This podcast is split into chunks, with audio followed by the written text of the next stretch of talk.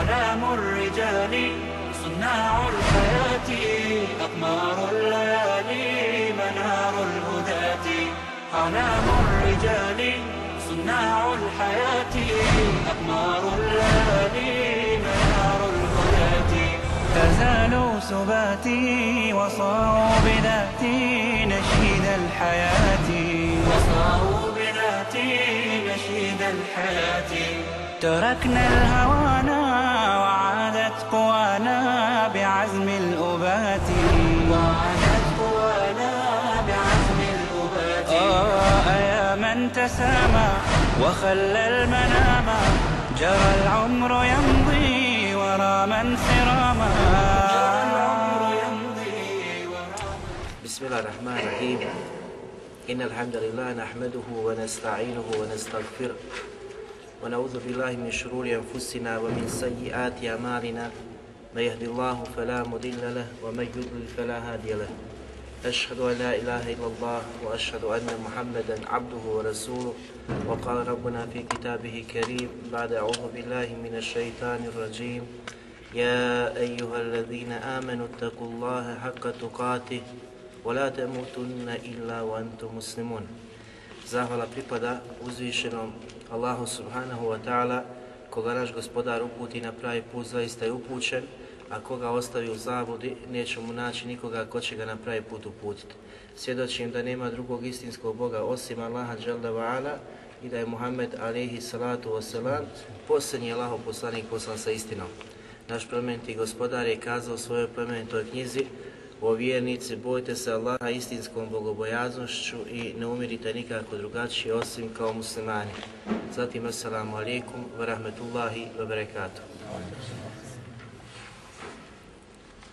Večeras, draga braćo i cijene sestre, ćemo govoriti o imenu koje je povezano i vezano za ime koje smo prošli put spominjali. A prošli put smo spominjali ime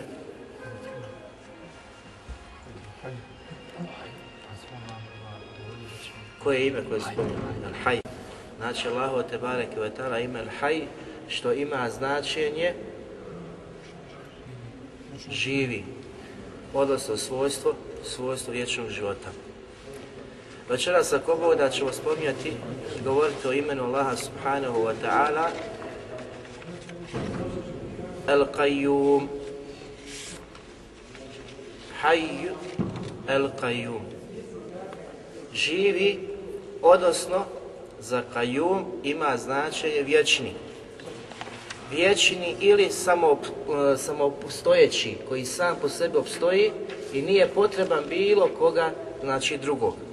Allah dželle znači svi smo ovisni o Allahu subhanahu wa ta'ala, svi zavisimo od njega dok on te bareke ve ta'ala sam po sebi obstoji. Zato je ovo večeras, draga bratišo, jako bitno ime. Zbog njegovog značenja koje je povezano sa Allahom imenom El Hay.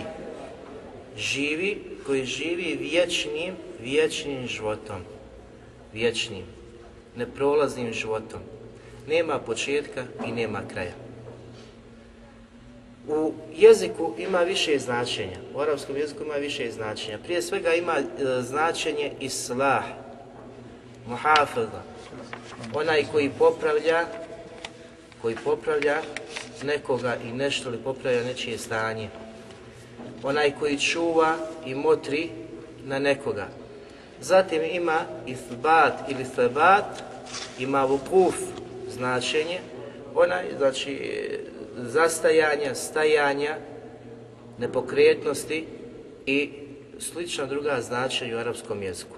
Međutim, Vidjet ćemo u značenjima kada se odnosi na Allaha te bareke šta su učinjaci kazali. Prije svega Zdrđađ, rahimahullah, kaže da ovo Allahovo ime El Qayyum ima značenje im Znači vječni, neprolazni, trajni, trajni.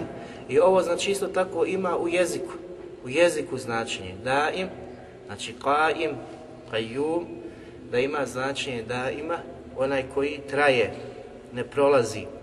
Dugo znači traje. To je u arapskom jeziku, ali čovjek kada se odnosi Allah dželevala. U Kur'anu se spominje na tri mjesta. Ovo Allah te bareke ve ime se spominje na tri mjesta. Prije svega u suri El Bekare, ajet. Koji je ajet? Najveličanstveniji ajet u Kur'anu je koji počinje Znači, Allahu la ilaha illahu al hayyu al qayyum. Allah je, nema drugog istinskog Boga, osim njega te bareke vetala, jedini koji je zaslužan da mu se robuje i bade čini, koji je živi i vječni, koji ne prolazi, ne prolazni, trajni Allah te bareke vetala, koji nema početka i nema kraja. I ovaj ajet je najveličanstveniji ajet kako je poslanik sallallahu alihi wasallam ukazao u sahih hadisu. najvredniji, najodabraniji ajet u Kur'anu, ajet u Kursi. Većina učenjaka kažu zbog ovog početka. Zbog ovog početka. Vidjet ćemo šta su kazali Ibn Kajim Ibn za ovaj dio početka Kur'anskog ajeta. Zatim sura Ali Imran, drugi ajet gdje Allah Đelešanu isto tako kaže Allahu la ilahe illahu el hayyu al- qayyum. Allah je, drugog istinskog Boga nema osim njega, koji je živi i koji je vječni. I treće mjesto u Kur'anu, mi smo prošli put sve ove ajete spominjali, zato što se u njima spominje Allahovo ime El I treće mjesto u Kur'anu, gdje Allah Đelešanu kaže u suri Taha, 111. 111. znači ajet, gdje kaže وَعَنَتِ الْوُجُوهُ لِحَيِّ الْقَيُّمُ I tog dana će lica ponizna biti pred živim i vječnim. I zatim kaže Allah وَقَدْ خَابَ مَنْ حَمَلَ ظُلِمًا I tog dana će propasti onaj koji je jednu trunčicu nepravde učinio, odnosno učinjaci smatraju da se na zulm u, ovom kuranskom ajetu, kako su prošli put pojašnjavali, misli na širk da će propasti svaki onaj koji bude širk Allahu učinio, s tim da kažu da ovaj kuranski ajet e, ima širi pojam, šire značenje, da ima značenje i obuhvata svaki onaj koji bude nepravdu učinio nekome, tog dana će za tu nepravdu odgovarati i rekli smo da je poslanik sallallahu alihi veseleme kazao da su nepravde tmine na sudnjem danu ili nepravda da je tmina na sudnjem danu. Odnosno, naveo je drugi primjer poslanik sallallahu ve veseleme, da će šukati ovan, tražiti od onog rogatog koji ga je udario, da Allah Đelešanuhu izmiri, znači račun između njih. Pa zamislite kada su u pitanju životinje, kako će tek onda hak svoj i svoje pravo tražiti stvorenja, razumna, razumna bića koje su drugi zakidali ili im nepravdu činili na dunjalku. Zatim poslanik sallallahu alihi vseleme u sunetu u mnogim svojim dovama koje su znači različitim forma prenešene, a jedna od tih dova koju ste vidjeli sada u Buharinoj zbirci ima i drugih znači isto tako načina koje je poslanik sallallahu alihi vseleme učio i spominjao ovo značenje ovog velikog Allahovog Tebare Kvetala imena u noćnim, u noćnim namazima. Pa tako da u ovoj dovi kaže poslanik sallahu alihi vseleme Allahu lekel hamd, Allahu lekel hamd. Allahu dragi, tebi pripada svaka zahvala i pohvala. Zatim kaže Ente qayyimu samavati val ard, vama fihin. I ti si gospodaru taj koji održava i upravlja i nebesima i zemljom i svim onim što se nalazi i na zemlji i na nebesima. Pogledajte, znači Allah dželevala je taj koji upravlja svim onim što se nalazi i na zemlji i na nebesima, svim stvorenjima. Pa kao takav bareke ve ta'ala je zaslužan da bude obožavan i od stanovnika nebesa i od stanovnika, stanovnika zemlje. Zatim Al-Hatabi kaže, rahimahullah, po pitanju značenja ovog velikog imena, al Qayyum, kada se odnosi na Allaha Đelevala, da ima značenje vječnog, neprolaznog koji ne prolazi. Znači vječnog, neprolaznog koji ne nestaje, koji je održava i održitelj svega. Allah te bareke ve ta'ala. I vidimo da je ovo svačeno iz hadisa poslanika sallallahu alihi, sallallahu alihi vseleme kojeg smo, kojeg smo naveli. Zatim Ezzadžađi rahimahullah je kazao El Qayyum ima značenje kao što je došlo u kuranskom ajetu gdje Allah Đelešanu ukazuje i pojašnjava pa kaže Efemen huwa qaimun ala kuli nefsim bima kesebet. Zar Allahu koji nad svakoj ili na svakoj stvari bdije Znači, za sve ono što su ljudi činili bit će zapisano. imun ala kuli nefs. Allah žele vala bdje iznad svake stvari.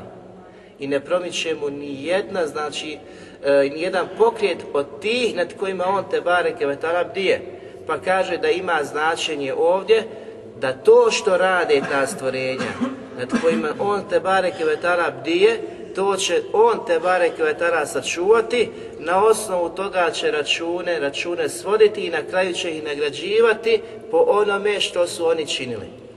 Znači Allah subhanahu wa ta'ala nadgleda, vidi, čuva naša djela, čuva naša djela, zatim na osnovu tih djela će obračun svoditi na Kjametskom danu, a nakon toga svaki od nas pojedinačno bit će, bit će pitan i bit će nagrađivan za ono što je činio. I ovo ukazuje na Allahu subhanahu wa ta'ala apsolutnu moć. Zamislite koliko je stvorenja, vidljivih, nevidljivih. Da Allah dželevala u svakom trenutku, znači bdije iza svih njih. Ibn Usaymin kada spominje hadis poslanika koji je došao u muslimu, vi znate da je tamo stoji, znači da je Allah Đelšanu podijelio namaz između njega i njegovog groba. Pa svaki od musalija, klanjača, kada kažu Alhamdulillahi Rabbil Alemin, Allah odgovara takvima rob me hvali veliča, jel? Koliko je stvorenja, zamislite, znači, ukazuje, koliko je stvorenja koji govori u istom trenutku Elhamdulillahi Rabbil Alemin i Allah žele vala svima njima odgovara. Svima, zagarantovan odgovor da Allaha subhanahu wa ta'ala, što ukazuje da druga skupina ne da govori Ar-Rahman, Ar-Rahim, nego kažu Iyake na'budu, i Iyake nasta'in. Koliko je takvi koji istim tim trenucima izgovaraju dok ovi uče Alhamdulillahi Rabbil Alemin. I Allah Đelšanu i njima isto tako odgovara. Znači, da čovjek shvati i da razumije da nikada Allahova svojstva, koja su savršena svojstva, ne mogu biti poput svojstava stvorenja. Ti danas možeš prati jednog predavača, možda i dvojicu da skontaš, ali njih pet kada priča u isto vrijeme, šta ćeš ti skontati i šta ćeš razumjeti? Teško da možeš nešto pojmiti. A pogledajte Allaha te bareke vetana, savršenstvo. Tako da ove sve osobine o kojima mi govorimo su veličanstvene i onakve kakve njemu priliči, njegovoj uzvišenosti, njegovoj veličini, njegove veličanstvenosti. I zato ke misli Hišej ništa nije kao on te bareke, te bareke o ta'ala. Zatim imam Bejheki, Rahimahullah kaže za značenje El Qayyum da ima značenje vječnog, koji se vraća na osobinu vječnosti, neprolaznosti koja je jedna od njegovih osobina vata, njegovog tebare kvetala bića.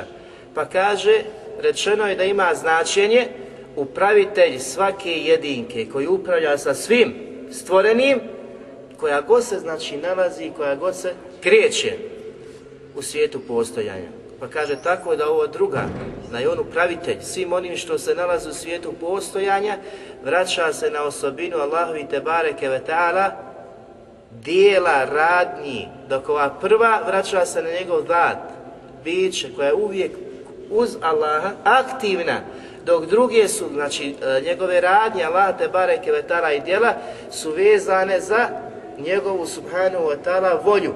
Ono što on hoće, to biva. A kada neće, to ne biva, ali nekada on vjernika pomogne, a nekada, nekada ga ostavi, znači jedan određen period pa ga pomogne. Što znači da vaša može u svakoj sekundi, u svakoj situaciji pomoći vjernika, ali on to čini kada on te bareke, te bareke vetala hoće, kada neće, ostavlja ga u takvom stanju.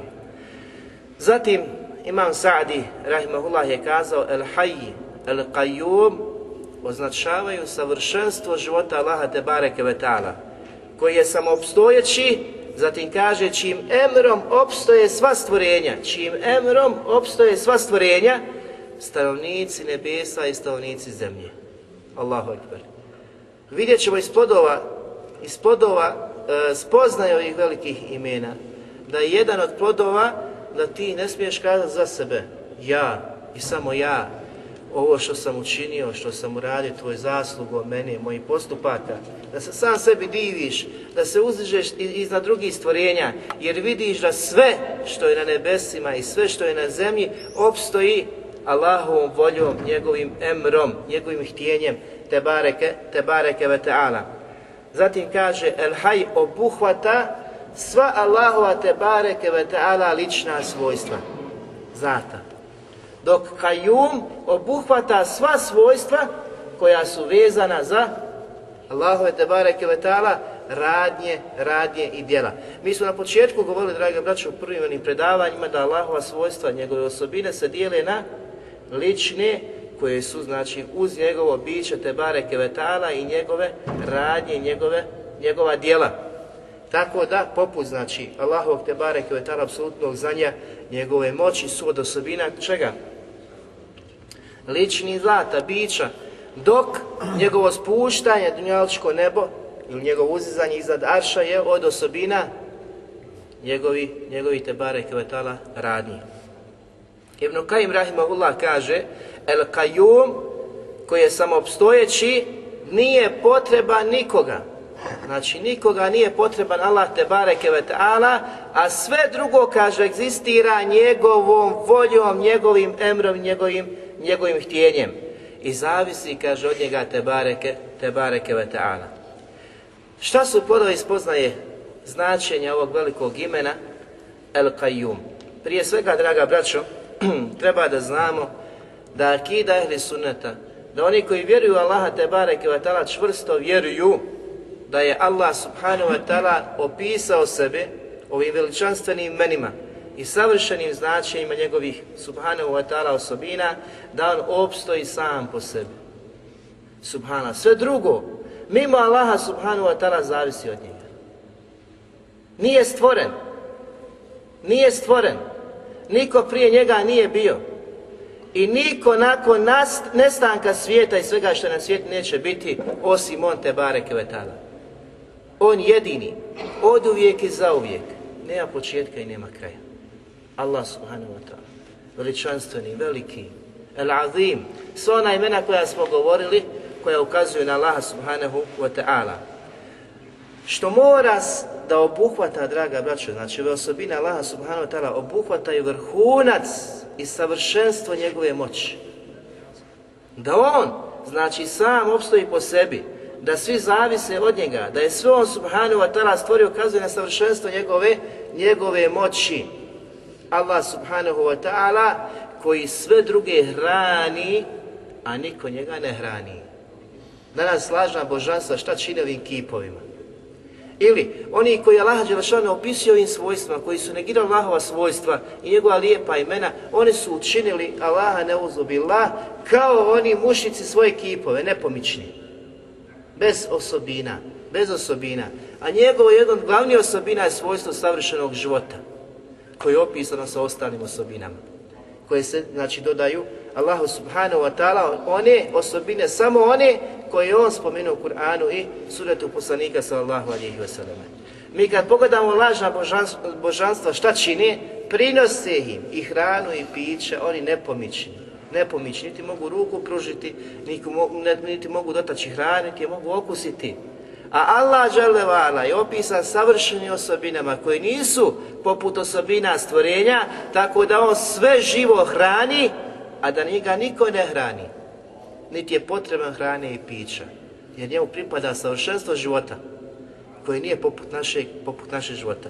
Allah Đelešanu kaže u suri Al-An'am u 14. ajetu Kul e gajra Allahi ettahidu valijan fatira samavati val ard wa huwa yut'imu wa yut'am Zar da uzmem drugog Boga kojeg ću obožavati pored Allaha subhanahu wa ta'ala koji nas sve hrani a njega niko ne hrani koji svima daje hranu a njemu niko ne daje hranu Razumijete? Nije potreban, nije potreban toga. Zatim kaže kul inni umirtu en ekune eslem. Zaista mi je naređeno da budem prvi taj koji će se Allahu subhanahu wa ta'ala pokoriti. Wala takunanna mušrikin i nemoj da bude slučajno od onih koji Allahu dželle pripisuju druge ravnim, druge ravnim.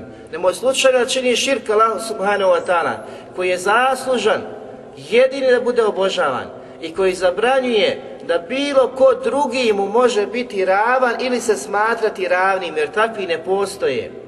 Da li neko može stvoriti ovo što je gospodar stvorio? Da li neko može spustiti kišu koju gospodar e, spušta? Da li može neko učiniti da rastinje raste? Da li može neko učiniti da čovjek nastane? Da mu znači, udahne život, da mu oduzme život kada Allah subhanahu wa ta'ala hoće koji je opisan tim osobinama, niko nikada niti će postojati, niti je postojao koji ima te osobine. I zato Allah zbog ovog savršenog života, el haj, el qayyum, je zaslužan, draga braćo, da bude, da bude obožavan. U, u, u suri Šuhara, u 79. majtu Allah vam kaže وَلَّذِي هُوَ وَلَّذِي هُوَ يُتْعِمُنِي وَيُسْكِينَ koji me hrani i koji me napaja. To je gospodar Allah subhanahu wa ta'ala koji te hrani, koji te poji, koji ti daje hranu i koji ti daje, daje piće. Zatim kaže وَمَا مِنْ دَابَةٍ فِي ila إِلَا عَلَى ne postoji ni jedna životinja na svijetu, a da je Allah subhanahu wa ta'ala ne hrani. Ni jedna životinja. Pogledajte koliko samo životinja ima. Prije toga pogledajte koliko stvorenja ima. Pogledajte samo dana refata. Gdje su milioni ljudi na jednom mjestu, u pustinji, u dolini.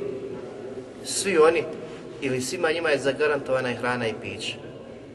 Allahu I ne samo znači pogledajte tu dolinu, nego pogledajte čitavu planetu, Ko je taj koji hrani stvorenja? Ko je taj koji daje? Danas ljudi kada imaju ove statistike govore, kaže kako je se povećao broj stanovnika, prijeti opasnost, nestanak, nema hrane, ko će to hraniti?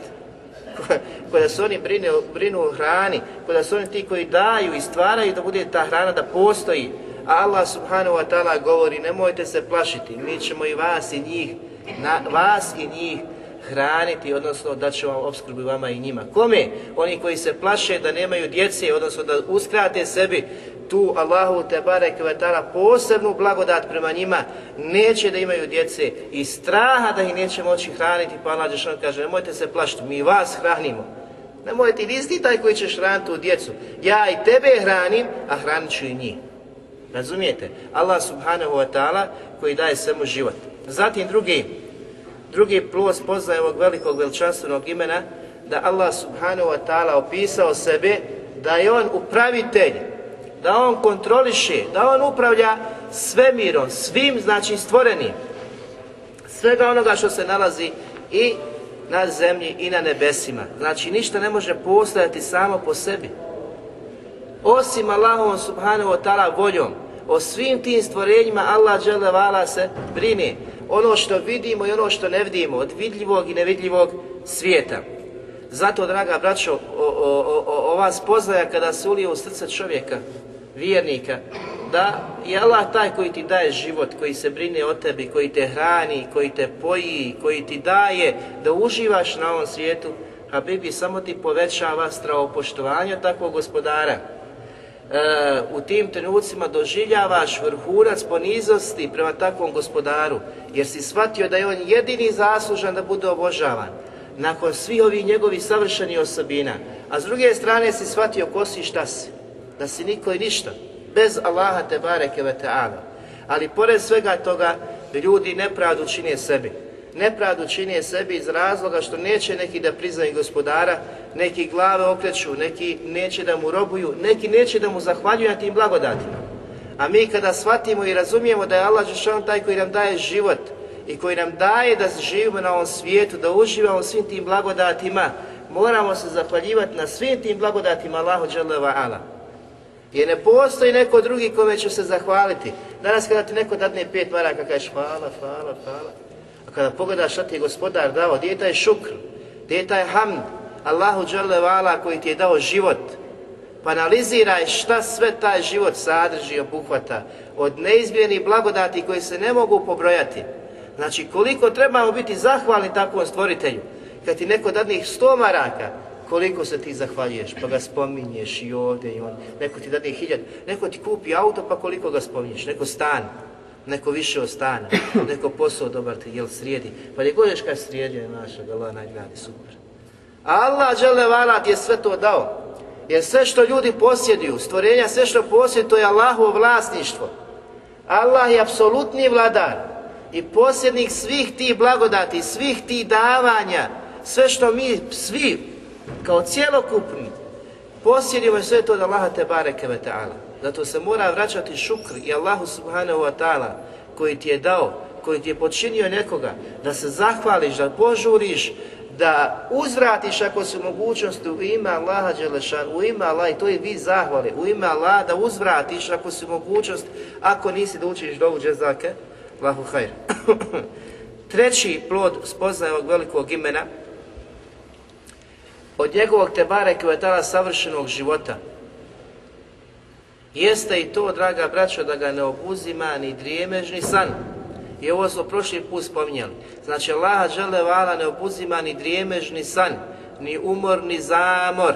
Dok mi miskini, koje Allah žele vala stvorio, nama se pika o savršenstvo našega života, o savršenstvo našega života da ospavaš da se odmoriš, to je savršenstvo našeg života. Zamislite kada čovjek ne spava danima, što kažu, lud. Jel? Znači nije normalan. Ne smatra se da ima savršenstvo svoga života, svojih osobina. Ali, znači osoba koja redovno spava, normalno spava, smatra se savršenstvom. Ali taj život u odnosu na Allaha te bareke je majkavost. Majkavost. Allah dželevala posjeduje savršenstvo koji nikada ne spava, koji ga nikada ne obuzima ni drijemež, ni san, ni umor, ni zamor, koji je stvorio nebesa i zemlju i sve ono što je na njima, i sve što je u njima i vidljivo i nevidljivo nije se on subhanahu wa ta'ala umorio kao što ga opisuju židovi da se umorio pa je sjeo znači kada, u kojem danu u subotu sjeo kada se malo odmori pa će nastaviti nakon toga stvaranje te bareke ta'ala amma yasifuhu el zalimun da je Allah dželle uzvišen i čist od onoga čime ga opisuju oni koji ne vjeruju u Allaha subhanahu, subhanahu wa ta'ala. Jer njemu pripada savršenstvo koje ima apsolutnu moć da je u stanju da stvori kako on subhanahu wa ta'ala hoće. Fa idha qada emra innama yakulu kun a kada odredi da nešto stvori, da nešto učni, samo kaže kun, kun, kun, fayakun, i ono bude subhanahu wa ta'ala. Zna se te moći, Allah dželal može da stvori, ali oni svoje mudrosti halaka se mavati val ard fi sitteti ejam stvorio nebesa i zemlju u šest dana. Ali je moćan da stvori kako on subhanahu, subhanahu wa ta'ala hoće. Ibn Qaim rahimahullah prenosi da je šehul Islam ibn Taymiye rahimahullah mnogo puta ili mnogo znači dok se družio s njim, dok je učio od njega spominjao ova dva imena. Mnogo znači Allah vala veličao sa imenom El Hayyu El Qayyumu. Znači mnogo, mnogo, mnogo je učio ta dva imena i spominjao Allaha subhanahu wa ta'ala. Zbog čega kaže da je kazao zaista ova dva imena posjeduju veliki uticaj i ostavljaju veliki trag na život srca. Allah, eh. haj el kajum, koji život daje. Uvaladi juhjive mi. On je taj koji vas oživljava i koji vas usmrćuje. On je taj koji vam život daje i koji vas usmrćuje. A život srca je najljepši život koji čovjek može osjetiti na dunjaluku. Ako ga Allah usmrti, kakav čovjek možeš ti osjetiti na dunjaluku? Kakvo zadovoljstvo, kakav užitak, Slušaš Allahove ajete, ne osjećaš ništa. Slušaš hadise poslanika, ne osjećaš ništa. Slušaš priče, kazivaju narodima koji su prije nekada živjeli, kako su stradali, zbog čega su stradali, ti ne hajan, u gafletu. Ne osjećaš ništa. Kakvo je to srce? To srce, draga braćo, mrtvo. Nisi ga oživio spominjanjem Allaha, vraćanjem na Allaha, povećavanjem svoga imana, druženjem sa učenim, druženjem sa knjigama koje su korisne, sa učenjem Kur'ana, sa hadisma poslanika, sa Allahu alijih veseleme i očekuješ da ti dođe dahnuće s neba, da ti srce bude oživljeno. Allah vala kada vidi trud trudbenika, njemu se smilije, njega obaspe svojom milošću, uputom, zadovoljstvom, beričetom u njegovim postupcima, u njegovom životu pa takav uživa na dunjalku u životu, znači i badetu prema Allahu te bareke vetala. Mi danas i slušamo i ne slušamo. Šta znači čujemo, ali kao da ne čujemo. Ništa ne ostavlja traga na nas. Kako? Kažu ova dva imena, kako kaže i mije, zaista ostavljaju veliki trag na srca, odnosno daju život, živahnost srca a da li mi shvatamo, da li mi razumijemo, da li razmiješamo ova dva imena? El Hay, El Qayyum. El Hay, El Qayyum. Pa kaže, zatim sam ga čuo da je kazao, ko je čuo Ibnu Kajim, je čuo svoga šeha Ibnu Tejmiju da je rekao, ko ustraje svaki dan, da između sabahskog suneta i farza 40 puta kaže ovu dovu koju on spominje Ja haju ja La ilaha illa ent Bi 40 puta Kaže ostvarit će život srca Takvi će ostvariti život srca i neće doživjeti da srca, da srca znači osjete smrt, da budu mrtva, Šta znači ova dova? O živi, o vječni. O ti koji posjeduješ život savršenstva, koji opstoji sam po sebi. Nema drugog istinskog Boga osim tebe. Bi rahmetike estagiz. I tražim od tebe. I tražim od tebe. Ja vapim za tvojom milošću gospodaru. Takav, kaže 40 puta ko bude učio, svako jutro, svako jutro znači između suneta sabaha i farza, takav će osjetiti, takav će osjetiti život srca. I zato sad možemo da shvatimo i razumijemo zašto Ibnu Kajim i Tejmije smatraju da je Ismul Azam, najveličanstvenije Allahovo ime, najveće Allahovo ime, ime El Hayyu El Qayyum. Hm. Zatim, draga braćo, sljedeći plod, što možemo i sami da shvatimo, a to je da ova dva velika imena Allah dželle se na mnogim mjestima spominju u sunetu poslanika sallallahu alejhi ve sellem. Kada pogledamo ove poslanika sallallahu alejhi ve selleme, vidjet ćemo znači da se na mnogim mjestima spominju ova dva veličanstvena imena. I zato kažemo da Ibn Kajim i Ibnu Tejmije i drugi broj učenjaka smatraju da su ovo dva, odnosno dva imena koja ukazuju na najveličanstvenije i najodabranije i najveće Allahovo te bareke vetara ime. Kaže Enes radi Anhu da je sjedio sa Allahovim poslanikom sallallahu alihi veseleme dok je neki čovjek klanjao obavljao namaz pa je taj čovjek u namazu proučio sljedeću dovu. Allahumma inni es'eluke bi enne alhamd La ilahe ila en, el mennan, badi'u samavati wal ard, ja zal dželali wal ikram, ja haju, ja qayyum. Pa je nakon te dove, kada ga je čuo poslanik sallallahu alihi vseleme, kaže, dovio je Allahu, onim posebnim imenom, kada se nešto traži, Allah mu dadne. Kada se nešto traži tim imenom od Allaha subhanahu wa ta'ala, Allah žele wa mu to dadne u ovom znači događaju, u ovoj dovi koju je proučio taj čovjek koji je klanjao namaz, spominje na kraju ime Ja Haju Ja Kajum. I mi smo govorili na početnim našim dersovima e, razilaženje učenjaka po pitanju koje je to najdobranije Allaho te bareke tala ime. Mi večeras spominjemo, znači vezani smo za ova dva imena iz razloga što, što smo spominjali prošli put ime El Haj, večeras El Kajum.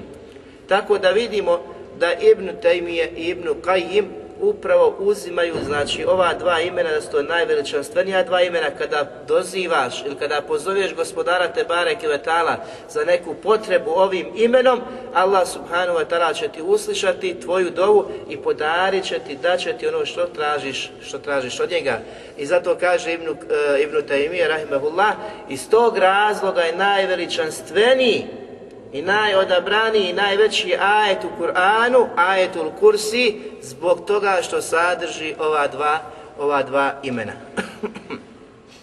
Zatim u hadisu od Enesa u koji bilježi imam Nesa'i, kaže kane, nebiju sallallahu alihi wasallam jedu'u, mnogo je poslanik sallallahu alihi wasallam izgovara, učio svojoj dovi, ja hajju, ja kajum, i ovaj hadis kaže šehalbani Albani da je Hasan, da je Hasan. Zatim, Poslanik sallallahu alejhi ve sellem je poručio svojoj ćerci Fatimi radi anha da uči sljedeću dovu, pa je ukazao, znači sada ću te posavjetovati jednoj dovi koju bi trebala da učiš redovno svako jutro i svaku večer kada osvanjavaš i kada omrknjavaš. Pa je poslanik sallallahu alejhi ve sellem rekao: "Kaži Ja haju ja kajum. I ovu dovu vi učite u jutarnjem večernjem zikru. Ja haju ja kajum, bi rahmetike Aslih li še'ni kulle. Aslih li še'ni kulle, vola kilni ila nefsi tarfete ayn Gospodaru moj, živi vječni, o Allahu, znači ja haju ja kajum, o živi, o vječni, tražimo tebe, dovim da mi podariš, da me obaspeš svojom neizmjernom blago, e, milošću, svojom neizmjernom milošću, zatim da mi popraviš svo moje stanje kompletno stanje, znači pogledajte naše stanje, ali ovom dovom tražiš od Allaha te bare da ti popravi stanje. A kada kažeš popravi moje stanje, to obuhvata sve ono sa čim je Allah te bare vetala zadovoljan da ti podari. Pa tako je što obuhvata i život tvoga srca. I život tvoga srca. Popravi svo moje stanje. I nemoj me prepusti samom sebi ni jednog treptaja oka. Ni jednog trenutka. Ne prepuštaj me samom sebi, gospodaru. Jer mi svi, kako smo kazali, znači el kajum, da svi opstojimo isključivo njegovom te bareke voljom, njegovim emrom. Zato nemoj da nas prepustiš samima sebi. Budi od onih, znači budi Allah gospodar da budemo od onih o kojima se ti posebno brineš, posebna skupina vjernika, mu'mina, kojima je posebne blagodati i milosti iskazuješ. To se znači traži ovo velikom dovom koju mi svako jutro učimo, neko je svjestan, neko manje znači, neko je možda u potpunosti nesvjestan šta izgovara e, i šta traži da Allaha te bareke vetala ovom velikom, velikom dovom.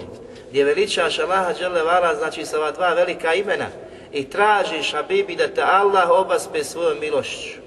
A njegova milost Njegova milost, znači kako smo kazali, posebna i ima ona koja obuhvata sva stvorenja ali ovdje tražiš Allahu te je tada posebnu milost prema vjernicima. Tražiš da ti popravi stanje i tvoj hal. Ko će ti popraviti stanje ako neće Allah subhanahu wa ta'ala? Te gobe, teškoće, problemi, nedaće, sve što imaš bibi, tražiš ovom dovom i doviš Allahu subhanahu wa ta'ala da ne izlaz. Da ti olakša, da te rastereti, da ti podari znači ljepotu i slast i užitak boravka na ovome svijetu. A boravak Znači na ovom svijetu sve nas je ovdje snašao skupa i svi smo mi dio toga. Međutim, neko uživa, neko doživljava te gobe. Neko uživa, iako nema, iako je iskušan sa mnogim stvarima, uživa u životu na ovom svijetu. A neko ko ima sve, ove prividne, znači blagodati koje mi vidimo i ukazuje prstom, a mašala što ima da je meni nako, u stvari on se pati na ovome svijetu, a njegova patnja na ovome svijetu nije ništa kakva ga patnja očekuje na drugom svijetu. Zatim poslanik sallallahu alejhi ve selleme, znači ovaj hadis koji smo naveli je vjerodostojan kako kaže Šejh Albanija. Drugi hadis, pogledajte drugi hadis i kaže poslanik sallallahu alejhi ve selleme, ko bude izgovorio sljedeću dovu Estagfirullah alladhi la ilaha illa hu al qayyum atubu ilayh. Ko bude izgovorio gospodaru, kajem ti se, tražim oprosta od tebe, Znači od Allaha subhanahu wa ta'ala, pored kojeg drugog istinskog Boga nema, koji je živi i koji je vječni i tebi se kajem. Kaže poslanik, bit će mu oprošteno makar pobjegao sa bojnog polja. Allahu akbar. Ovaj hadis bilježe imam Tirmizi, imam Ebu Davud i mnogi drugi, a šeh Albani kaže da je vjerodostojan. Zato kaže veliki učenjak Ebu Naim El Asbahani, da je ovaj hadis dokaz da nekada, da nekada, znači dijelo neko koje učiniš može biti sebe da ti Allah vala oprosti šta? Kebiru, veliki grije, veliki grije. Nekada, znači, postoje dijela koja ćeš učiniti u svome životu, Allah će biti sebe da ti se oprosti veliki, veliki grijeh, poput, kaže, bježanja sa bojnog polja, kako je došlo u hadisu poslanika sallallahu alihi veseleme, ili je nešto slično tom grijehu, ili, kaže, manje ili manje od toga. Allahu akbar. Za Allahu je neizmjene milosti prema robovima. Ali ovo, Habibi, nije ovo jezikom iskazano. Znači, tek tako da kaže, estakfirullah, estakfirullah. Estagfirullah, alladhi la ilaha illa hu, el hayyu kajum, wa etubu ilayh. Da si sve što izgovaraš, šta činiš, koga moliš, koga dozivaš, od koga oprost tražiš. Da si svjestan Allaha subhanahu wa ta'ala i svog hala vrhunac poniznosti, vrhunac poniznosti prema Allahu subhanahu wa ta'ala u tom trenutku da doživiš, da mu se zaista kaješ, da mu se zaista vraćaš, da zaista oprost tražiš od Allaha subhanahu wa ta'ala koji živi i vječan, koji živi i vječni neprolazni. I tada će ti Allah subhanahu wa ta'ala podariti ovo što je obećano u hadisu poslanika sallallahu Drugi hadis koji imam, e, Taberani bilježi, njegov ocjenu nisam našao, gdje kaže poslanik sallallahu alihi vseleme koji izgovori ovu dovu, znači men kal estagfirullah allazi la ilaha illahu el hayy el qayyum wa tubu ilih ka bit će mu oprošteni grijesi innehu kufirat anuhu zunubuhu in kanet misle adadin nuđum bit će mu oprošteni grijesi makar njihov broj bio poput broja zvijezda na nebo Allahu Ekber Isto ovu dovu za koju je poslanik, kako sam rekao, našao sam ocjene hadisa za prvi, da je vjerodostojno, kako kaže šeh Albani, ne samo, znači mnogi učenjaci kažu da je, imam hakim, kaže da je pošartova je muslima i slično, a za ovo nisam našao ocjenu. Međutim, kaže, ko prouči ovu dovu, bit će mu oprošteno od njegovih grijeha, makar njihov broj bio poput zvijezda na nebu. Zatim kaže, o zebedil bahr, makar znači imao grijeha poput morske pjene, i treća stvar, kaže, poput, kaže, broja pijeska, pjes, menčića, kamenčića. Allahu akbar. Habibi, pa a, ovo nije čudna stvar. Ako se vratite na temelje i vjerovanja prema Allahu subhanahu wa ta'ala i vjere, onaj koji se iskreno pokaje, Allah žele vala samo oprašta. Razumijete? Onaj koji se iskreno pokaje, vrati Allah, Allah žele samo iskreno. Znači, s iskreno vratiš, Allah subhanahu wa ta'ala sve će to prostiti. Ma šta činio?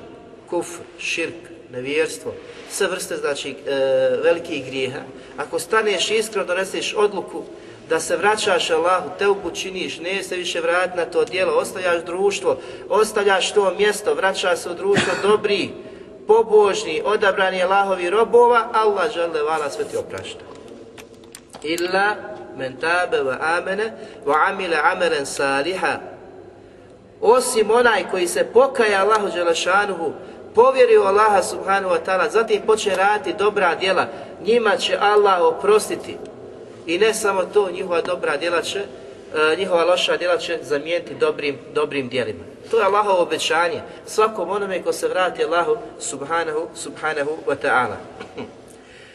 Zatim sljedeći plus spoznaje od velikog imena, kada, draga braću, spoznamo i kada smo vidjeli da je uzviše Allah subhanahu wa ta'ala taj koji živi vječnim životom, koji sam po sebi obstoji, a da smo svi, znači, ti koji zavisimo od Allaha subhanahu wa ta'ala i znamo koliki, kakvi smo, ko smo, šta smo, znači, prolazni, da imamo svoj početak i svoj kraj, ne smijemo nikada, kako smo na početku predavanja kazati, ono, ja, niko ko ja, sam sebe hvališ, sam sebe uzdižeš, sam o sebi pričaš i ne daš pardona nikome. To nikada vjernik ne smije sebi dozvoliti. Nikada. I ono što učinjaci kažu, onaj koji govori ja, ja, ja i samo ja, takav je poput Iblisa koji je prvi došao sa riječima ja, ja, ja, ja. Zašto? Allah Đelešanu kazuje njegovo stanje. Pa kaže, قَالَ مَا مَنَعَكَ أَلَّا تَسْجُدْ iz أَمَرْتُكَ Šta te je spriječilo da seždu učiniš onoga trenutka kada sam ti naredio? Seždu melecima. Kaže, kale ene hajru Šta je govorio Iblis? Ene hajru min. Ja sam bolji od njega. Ja. Prva riječ od koga je došla od Iblisa. Ja. Samo ja. I misliš da si najbolji. On nisam bio, ima bolji od tebe. Ne znaš ti ni koliko si kod Allaha dobar, koliko nisi. To što su radio, da li si iskreno radio, da li si tražio Allahovo zadovoljstvo i nisi. I da li si upropastio tom rečenicom kad si kazao ja, svoje djelo. Jer djela koja mogu biti na početku, znači činjenja dobra djela, da bude to djelo u ime Allaha subhanahu wa ta'ala, u toku djela da si iskren i na kraju, znači završavaš to djelo sve iskreno. Međutim, kada ostaviš to djelo, udalji se, počne se faliti ja to radio, ja dijelio, ja dao, ja dao. Znači da se ističeš. Allah Đelešanu tu ništi tako djelo. Iako si bio iskren u njemu. A zna se tek za onoga koji nije bio iskren, a na kraju spominje se, veliča se, hvali se, uzdiže se iznad, iznad drugih. Zatim Allah Đelešana prenosi riječi Faraona. وَنَادَا فِرْعَوْنُ فِي قَوْمِهِ قَالَ يَا قَوْمِ أَلَيْسَ لِي مُلْكُ مِسْرَ I kada je Faraon stao ispred svog naroda i kada ih je dozvao i kada im je kazao o narode, za ne pripada elej se li, za ne pripada ovo bogatstvo koje vidite, ovo carstvo koje vidite i ove rijeke koje teku, za ne pripadaju meni. Elej se li, počeo se znači, jel, uzoholio se za svi, pa je to pripisao sve sebi. Pa mi znamo kako je Allah i tako uništio, da je doživio potopu Znači koliko god da se uzdižeš, koliko god da misliš da si nešto pomisli o ovima, pomisli o Iblisu, pomisli o Faraonu kako je on završio, kako je okončao. Tebi ne preostaje Habibi, meni i ostalim, osim da budemo skrušeni, osim da budemo ponizni, osim da budemo odani Allahu i bareke robovi. Oni koji idu ulicom i kada ih drugi uvrijede i povrijede, kažu selama. Razumijete? To su pravi Allahove evlije. Ali to ne može svak. Zašto? Zato što puno džahilijeta ima u našim srcima.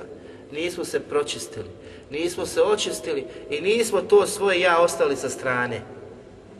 Nismo to ostali. Mi vidimo danas koliko postupaka ima brat s bratom, pa onaj džahilijet se ukaže posle pet minuta, jel malo, da se samo porečkaju oko nečega, za dvije, tri minute, od dvije, tri rečence dođe rečenca džahilijeta.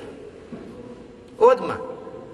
Prebiti, razbiti, ubiti, vraćaš ti me, znam ja metode, znam ja načine. Sve džahilijetske rečence. Razumijete? Nema onog edeba, nema ponašanja islamskog, zato što se nismo pročistili.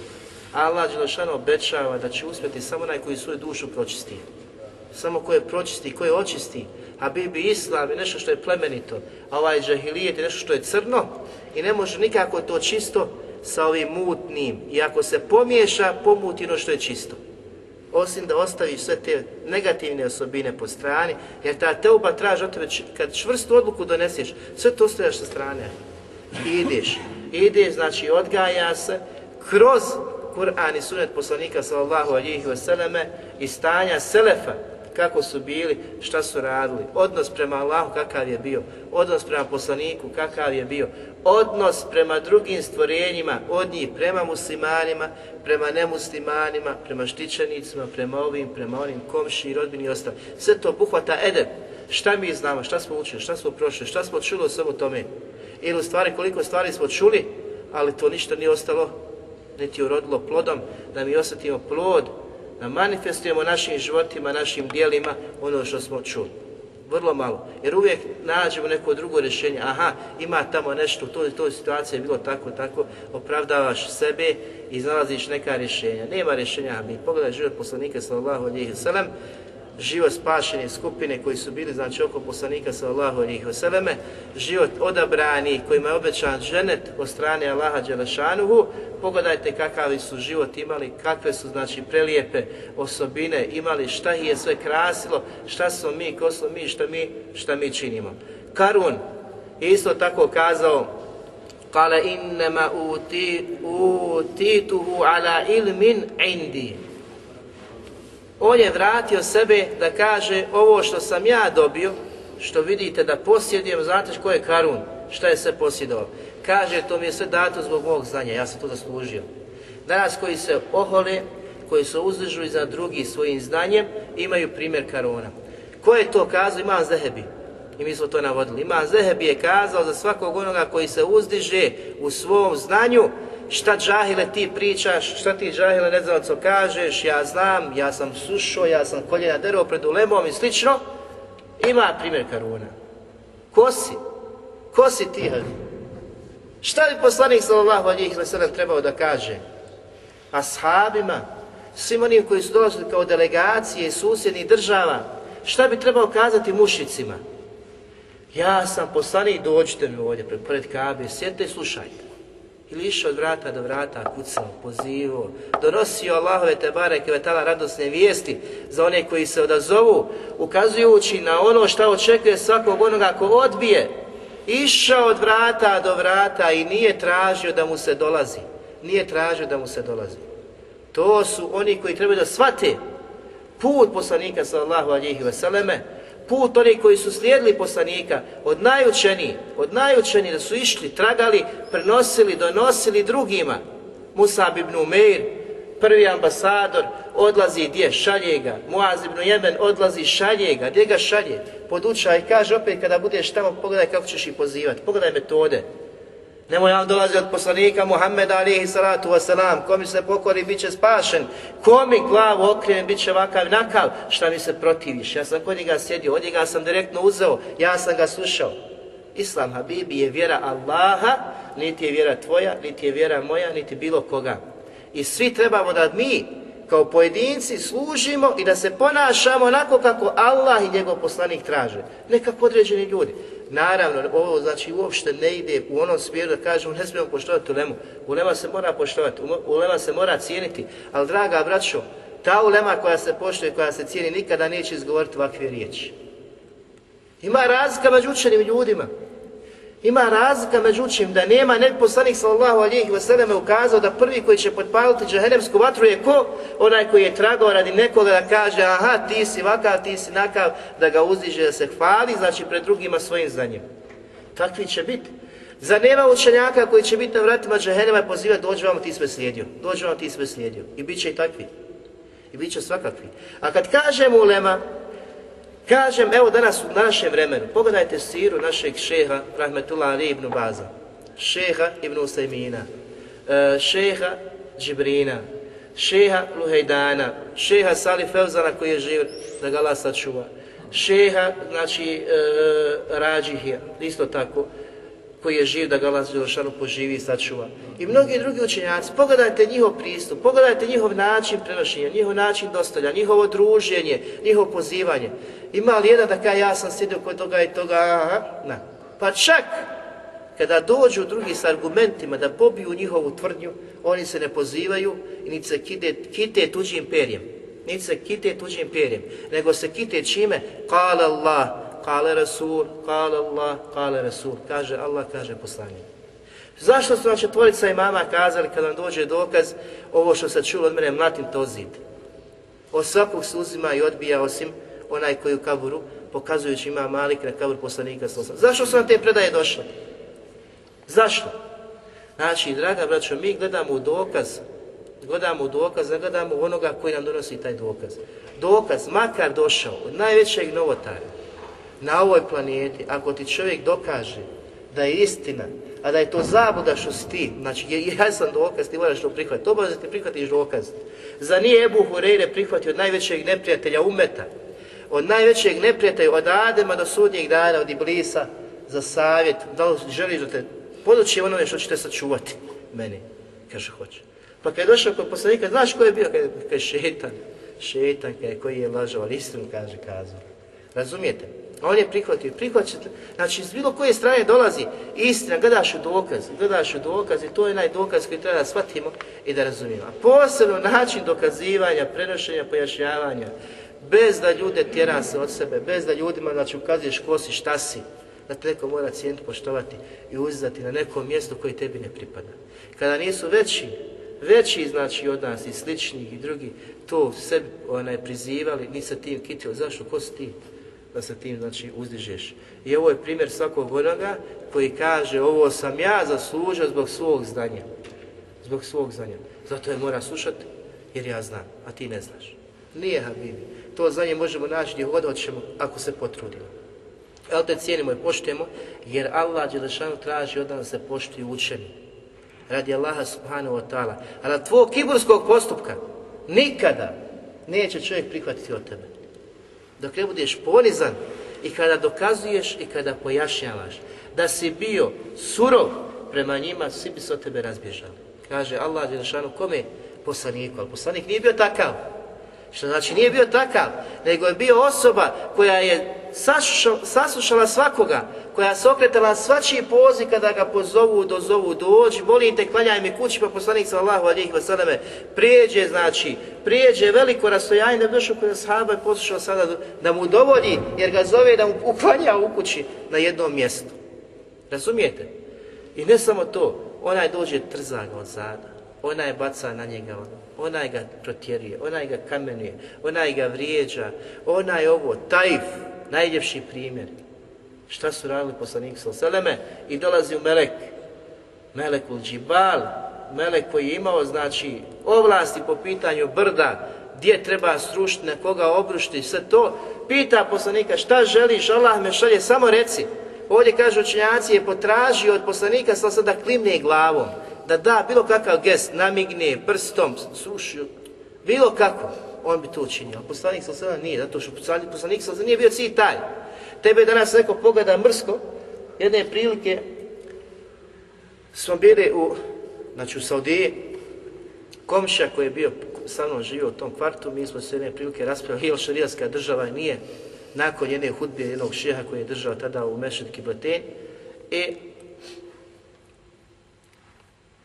zašto kaže toliko fali vladara, zašto uči toliko dovu za vladara, za njihove vezire, ovo ono nabraja, stvarno dugo je učio posle hudbe za svoje vladare i prijestavnike.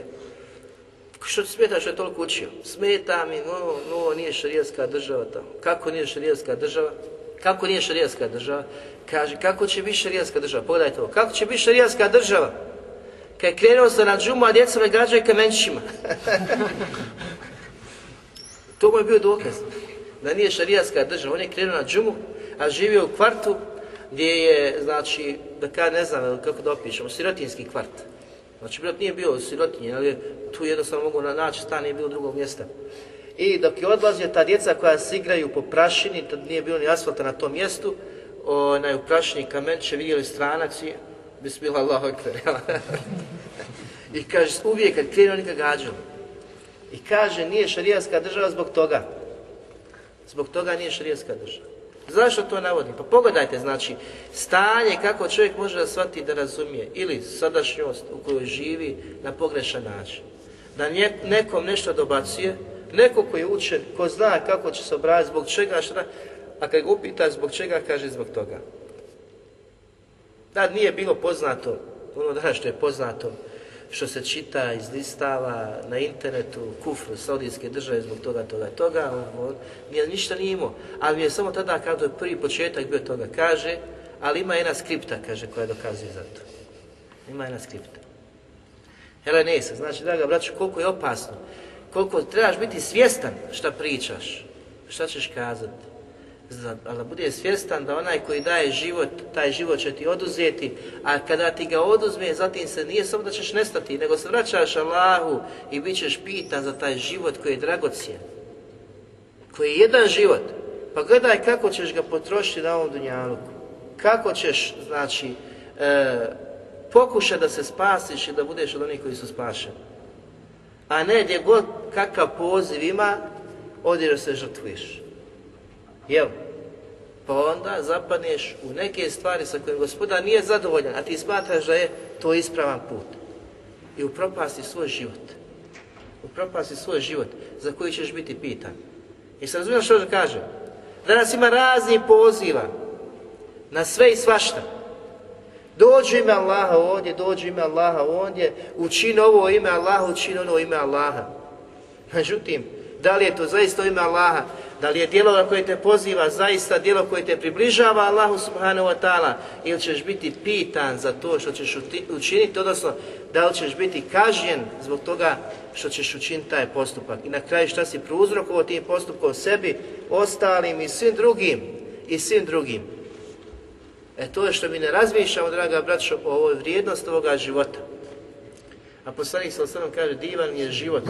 Najbolji je život koga? Vjernika koji ima dug vijek, to je najljepši život, dug vijek. Neka ja da me preseliti kada sam mlad, da se stačao, neće budem star, neće budem ovakav. pa šta si uskratio sebi? Živio, živio si 20-30 godina. U ti 30 godina koliko si prespavao, koliko si griješio, koliko si gibetio, koliko se mimetio, šta si sve radio, da li se pokaje istinskom tebom Allahu Đelešanu. A ovaj dug život vjernika, ah i koliko Ramazana ima, koliko ima namaza, koliko ima nafila, koliko ima dobročinstva, koliko ima poslušnosti roditeljima, koliko ima znači e, dobročinstva prema komši, prijatelju, rođaku i sve, sve, sve ono što obuhvata i traži islam od tebe.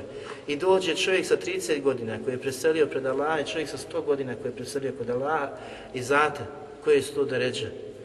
Jedna noć u mjesecu Ramazanu vrijednija od hiljada mjeseci on je proživio, doživio i badetio, a ti uskraćen. Ti takvih pet noći sam dočekao.